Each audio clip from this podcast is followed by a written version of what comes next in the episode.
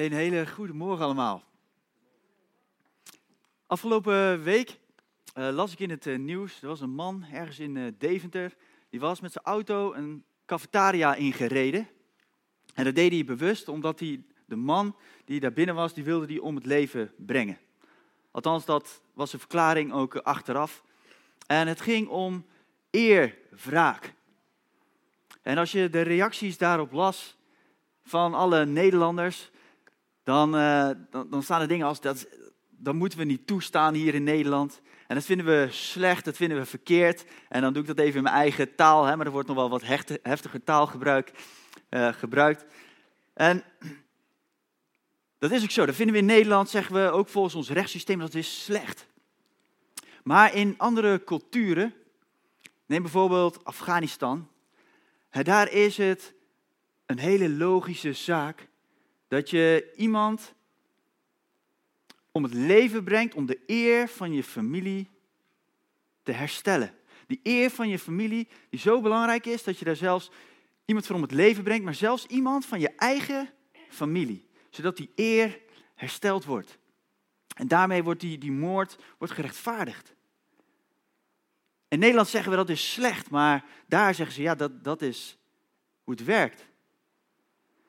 En wie bepaalt nou of zoiets goed of slecht is? Nou, daar wil ik het met jullie vanmorgen over hebben. Daar wil ik naar gaan kijken. En dat doen we in een serie waarin we samen bezig zijn. Daar zijn we al flink in onderweg. Waarin we kijken naar verschillende aspecten van Jezus. De hoofdpersoon van het christelijk geloof staat centraal. En we gaan vandaag hem samen ontmoeten als advocaat. Jezus als advocaat. Daar gaan we het vandaag over hebben in deze serie. En waar heb je een advocaat voor nodig? Nou, als dat in Nederland, als je in Nederland iets doet waarbij je de wet overtreedt, moet je voor de rechter verschijnen, heb je een advocaat die jou verdedigt. Maar waarom zou Jezus zo'n rol van advocaat willen, moeten vervullen? Daar gaan we over nadenken en daarvoor gaan we eerst eens lezen een stukje uit de Bijbel. Uit een van die vier boeken uit de Bijbel die het leven van Jezus beschrijven. Uit Johannes. En voordat ik het ga lezen samen met jullie, wil ik heel even de context toelichten. Jezus is voor een periode van drie jaar lang, drie jaar op weg geweest met een groep vrienden. Hij heeft ze met ze opgetrokken, ze hebben een heleboel bijzondere dingen meegemaakt. En nu, na die drie jaar, zegt Jezus, nu is er een punt gekomen dat ik zal bij jullie weggaan. Ik zal namelijk gaan sterven. En ik zal uiteindelijk weer opstaan en naar de hemel gaan, naar mijn vader. En je kunt je voorstellen, die groep vrienden die is hevig ontdaan. die zijn wel behoorlijk even van slag. Jezus gaat sterven, hoezo dan, waarom dan? Een heleboel vragen. Uh, maar Jezus, die stelt ze ook gerust. En in het stukje waarin hij ze gerust stelt, daar gaan wij een gedeelte van lezen. En Jezus doet dat geruststellen onder andere met de volgende woorden. In Johannes 14 vanaf vers 16, daar staat, dan zal ik, zegt Jezus, de Vader vragen jullie een andere pleitbezorger te geven, die altijd bij je zal zijn. De geest van de waarheid. De wereld kan hem niet ontvangen, want ze ziet hem niet en kent hem niet. Jullie kennen hem wel, want hij woont in jullie en hij zal in jullie blijven. Zien jullie de geruststelling? Dat is wel lastig, hè? Hoezo, hoezo stelt Jezus ze hiermee gerust? Er komt een nieuwe pleitbezorger en, en dat is mijn geest. Als ik eenmaal bij de Vader ben, dan zal ik mijn geest jullie uitstorten en die kan jullie interne pleitbezorger zijn maar hoezo? Waarom, waar heb je die pleitbezorger voor nodig? want wat is precies een pleitbezorger? Laten we daar eens verder naar kijken. Als je kijkt in de oorspronkelijke tekst waarin het Nieuwe Testament is geschreven, dan staat er het woord parakletos. Dat is afgeleid van parakleo. En dat betekent heel direct, directe vertaling is hulp erbij roepen. Maar in die tijd werd dat woord parakletos gebruikt om iemand aan te duiden die een verdediger is in een rechtszaak. Oftewel, een advocaat. Zo noemen wij die persoon tegenwoordig. Het is Jezus die zegt, ik, ik ga jullie mijn geest geven die jullie interne advocaat is. Maar wat moeten we daarmee? Waarom hebben we dat nodig? Waarom is dat goed nieuws? Waarom is dat een geruststelling? En om daar antwoord op te kunnen geven, moeten we kijken naar een hele grote vraag die daaronder ligt. En dat is de vraag van goed en fout en slecht of kwaad. Wat is nou goed en wat is kwaad? En om daar naar te kunnen kijken, en daar even op in te zoomen, dat is wat we gaan doen. En hierin heb je eigenlijk eh, twee kampen. Als we praten over goed en kwaad, dan spreken we ook wel over moraliteit. En er zijn er twee stromingen. De ene zegt, nou, moraliteit is objectief. Oftewel, er is een standaard van goed en kwaad en die standaard is buiten de mens om. Die gaat verder dan alleen meningen van mensen. Is leuk wat wij als mensen daarvan vinden, maar er is een objectieve standaard van goed en kwaad. En het andere kamp zegt nee, moraliteit is subjectief. Het bestaat uit meningen van mensen, uit individuele voorkeuren of uit cultuur, een, een, biologisch proces. Het is iets wat in de mens plaatsvindt, die moraliteit, en wij bepalen eigenlijk wat goed of fout is. Nou, daar wil ik eens verder op inzoomen. Objectief, dat betekent dus dat er een standaard moet zijn. Bijvoorbeeld Gods natuur als standaard voor het goede Liefde, vrede, eerlijkheid, vreugde, geduld, genade, vriendelijkheid. En alles wat daartegen indruist als het kwaad. En aan de andere kant, moraliteit subjectief. En dan zijn er verschillende meningen. Er zijn verschillende smaken. De ene is gewoon, is meer van banaan. Uh, ik, ik, vind, ik vind dat dit goed of fout is. En in een andere cultuur hebben ze een andere smaak. En misschien ook binnen die cultuur zegt de een van ja, mijn cultuur is meer stracciatella, maar ik persoonlijk heb een voorkeur voor aardbei. En ik, ik vind dit mijn persoonlijke standaard voor goed en kwaad. En als we daar eens verder op inzoomen, hè, dit, dit van de subjectieve moraliteit. Het zijn over het algemeen mensen die uh, niet geloven dat er een God is, die deze mening hebben.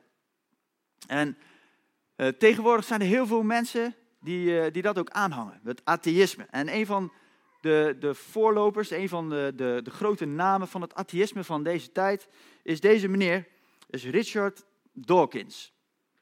En hij zegt dus ook, uh, in het hele universum, in alles wat bestaat, is er uiteindelijk geen plan, er is geen ontwerp, er is geen doel, er is geen kwaad en er is geen goed. Er is niets dan zinloze onbeduidendheid.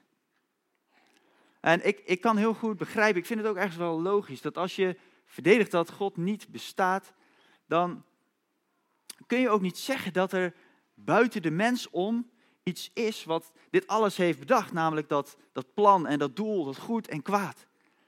Als je gelooft dat er niks is buiten die mens, dan, dan kan er ook geen objectieve standaard zijn. Dan, dan is dat ook subjectief. Dan is dat ook een mening van mensen, cultuur, van biologisch proces. Dat zijn een beetje de drie verschillende richtingen. Of drie argumenten. Drie argumenten van de subjectieve stroming. Moraliteit is subjectief en bestaat door cultuur, zoals in het voorbeeld van eerwraak. Iedere cultuur bepaalt zijn eigen goed en fout. Of individuele voorkeuren, iedereen heeft zijn eigen smaak. Of een biologisch proces. Wat is er mis met een leeuw die een zebra doodt? Dat is gewoon de natuur, zou je kunnen zeggen. En als de mens voortkomt uit de dieren, als de mens gewoon een doorontwikkeld dier is, dan zou je ook kunnen zeggen, wat is er dan mis met een sterke die een, een zwakke uitschakelt, uitroeit. En als je dan nog iets verder trekt, wat is er mis met het ene sterke ras dat een slechter ras uiteindelijk uitmoordt? In het dierenrijk zouden we het kunnen verklaren. Gewoon een kwestie van natuurlijke selectie. De survival of the fittest. En zo evolueren we en, en worden we uiteindelijk een sterker ras. Maar kan je daarmee dan nog zeggen dat, dat zoiets als de Holocaust fout is geweest? En sterker nog, de nazi's die gebruikten dat juist als argument om te zeggen, ja maar wij willen gewoon een sterke ras. Dit is gewoon een biologisch proces. Het is gewoon een survival of the fittest. En dan even op het scherpst. Wat is er mis met pedofilie? Is het niet gewoon een individuele voorkeur? Wat is er mis met slavernij? Het misbruik of, of moorden van mensen, gewoon, al is, het, al is het voor de fun. Kun je zeggen dat dat kwaad is? Wat zeg jij? Ik, ik geloof van wel. Maar ik geloof ook dat je dat alleen kunt zeggen als er een objectieve standaard is buiten de mens zelf voor goed en kwaad. Anders kun je dat eigenlijk niet zeggen.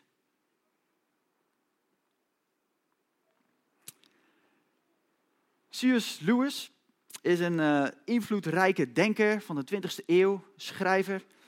En C.S. Lewis was eerst atheïst. En hij kwam met het argument, hij zei, weet je, als er een God zou bestaan, waarom is er dan zoveel kwaad in deze wereld? Waarom is er dan zoveel slecht? Dat is best een hele goede vraag. Maar hij, hij kwam zelf tot de ontdekking, hij zegt, ja eigenlijk, ik, ik ben atheïst, ik geloof niet in die, die, die morele standaard. Maar hij zegt, dan zit er eigenlijk een tegenstrijdigheid in mijn eigen gedachten. Want als ik ergens hier zeg dat de wereld slecht is, als ik ergens hier iets als kwaad definieer, dan, dan moet er ergens ook een standaard zijn voor goed en kwaad.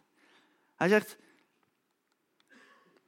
een man noemt een lijn niet kronkelend als hij niet weet wat een rechte lijn is. Waarmee vergelijk ik de wereld als ik het onrechtvaardig noem? Als ik hier een kronkelende lijn zie, dan, dan moet er ergens een rechte lijn zijn om ermee te vergelijken.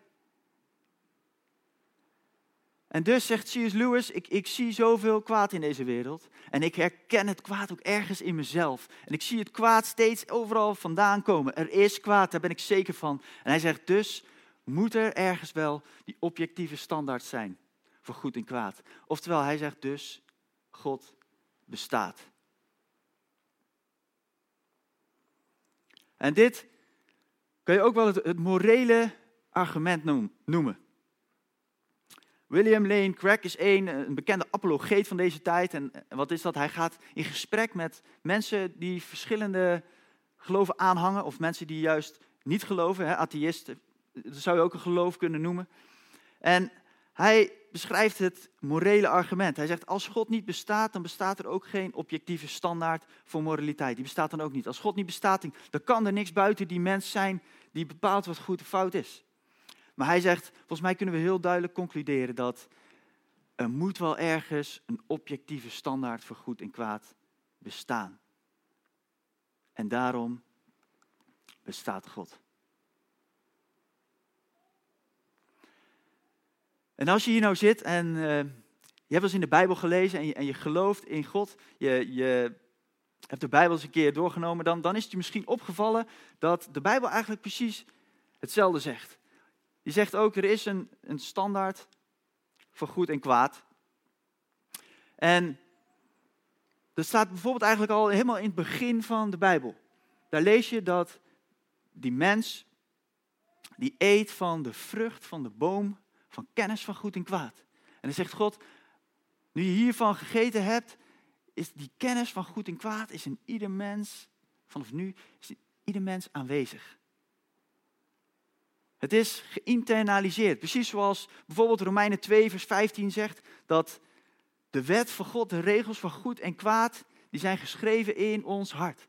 Ieder mens kan goed en kwaad van elkaar scheiden. Ieder mens heeft ergens die referentie voor goed en kwaad in zijn hart geschreven.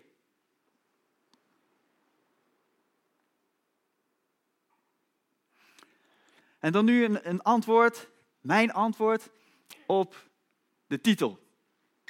Wie bepaalt wat goed en fout is? En ik geloof dat is, ik geloof ook het enige antwoord kan zijn dat er iets buiten de mens is. En ik geloof dat is Gods natuur. Waarom we kunnen bepalen of iets goed of iets fout is. En wat nou als je dingen doet die ingaan tegen die natuur van God? Als jij dingen doet die, die we als kwaad kunnen definiëren. Dingen doen die ingaan tegen die natuur van God zoals die hier staat beschreven. En daarvoor komen we dan terug bij Jezus in de rol van advocaat.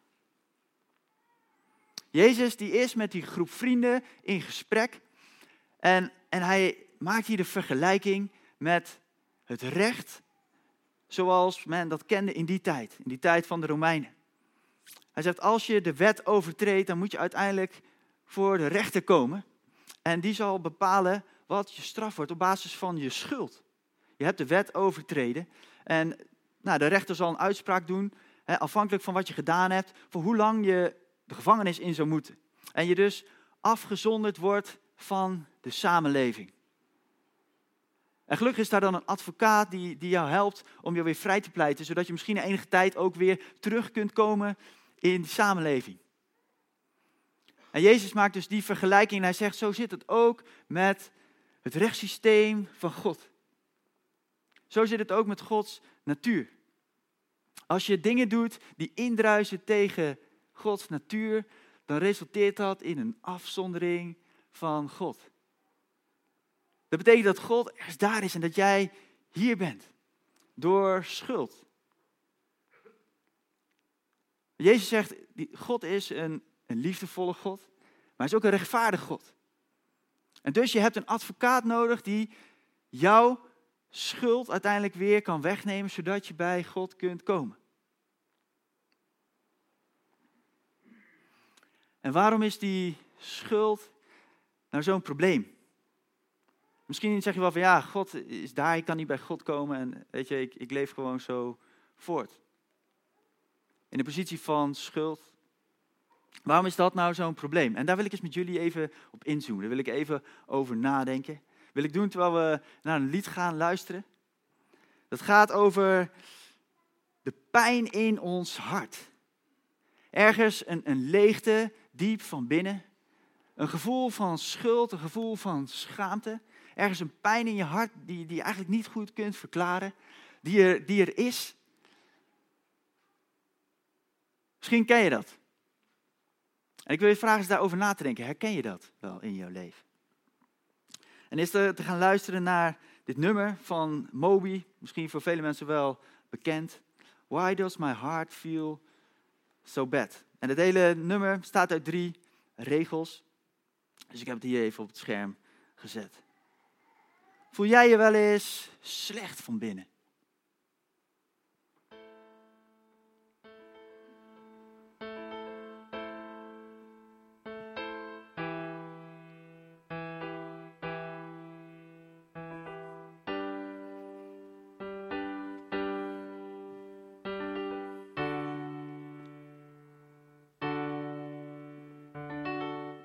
Does my heart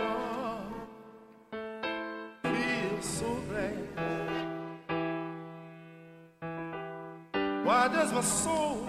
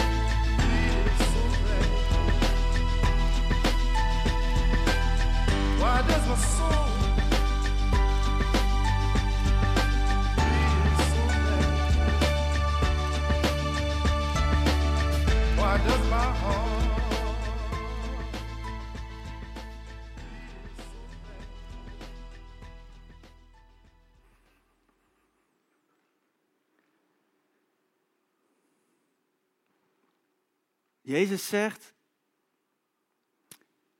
de enige manier om vervulling te vinden in je leven is door de schuld, schaamte, door alle dingen die, die kwaad zijn geweest in jouw leven, uiteindelijk van je af te zetten en vrij te worden. En de enige manier om dat gat in je ziel te vullen is om verzoening te vinden bij. Om te komen bij God die jou kan herstellen.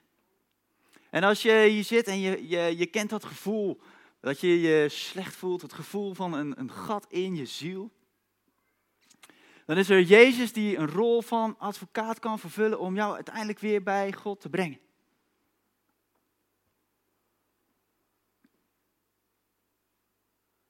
En daarvoor zul je misschien soms de consequenties van je fouten moeten aanvaarden. Soms even moeilijke stappen zetten, ook naar andere mensen toe. Om uiteindelijk schuld van je af te kunnen gooien.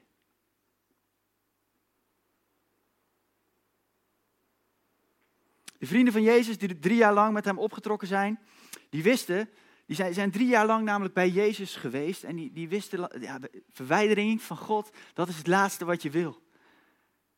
Die wisten, ik wil heel graag dicht bij God blijven. En nu gaat Jezus weg.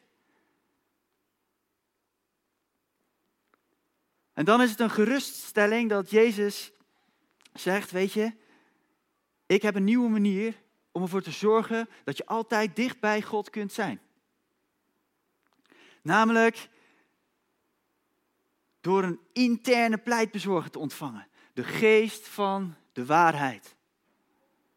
En hij woont in jullie en hij zal in jullie blijven.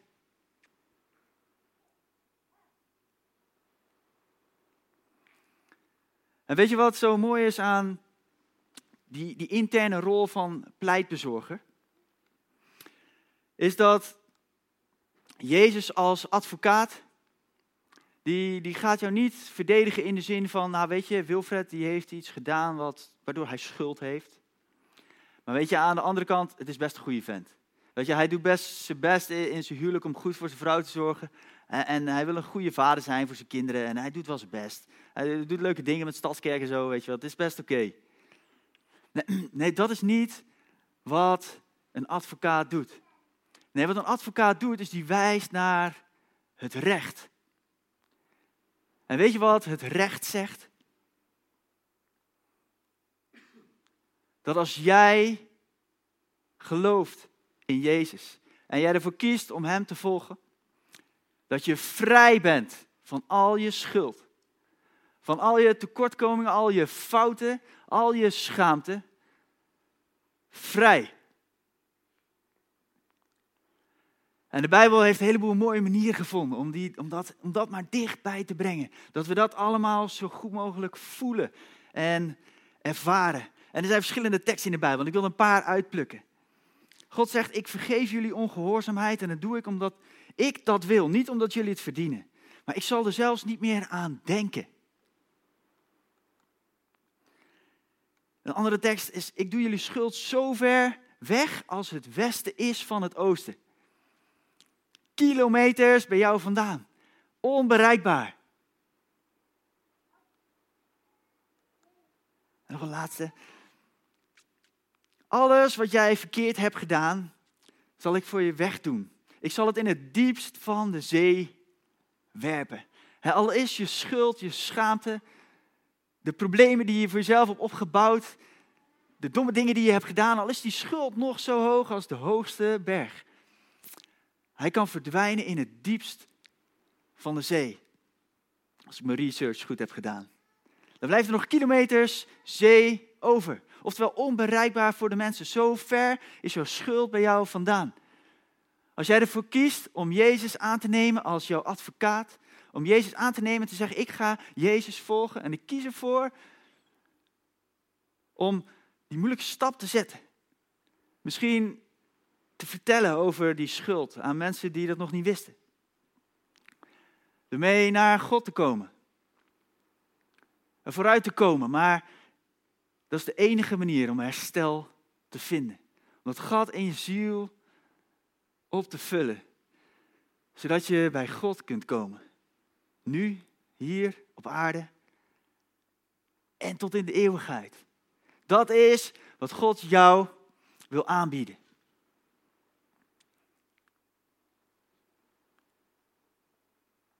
We gaan eh, hier een lied zingen en voel je vrij om even lekker te blijven zitten. Om daar eens over na te denken.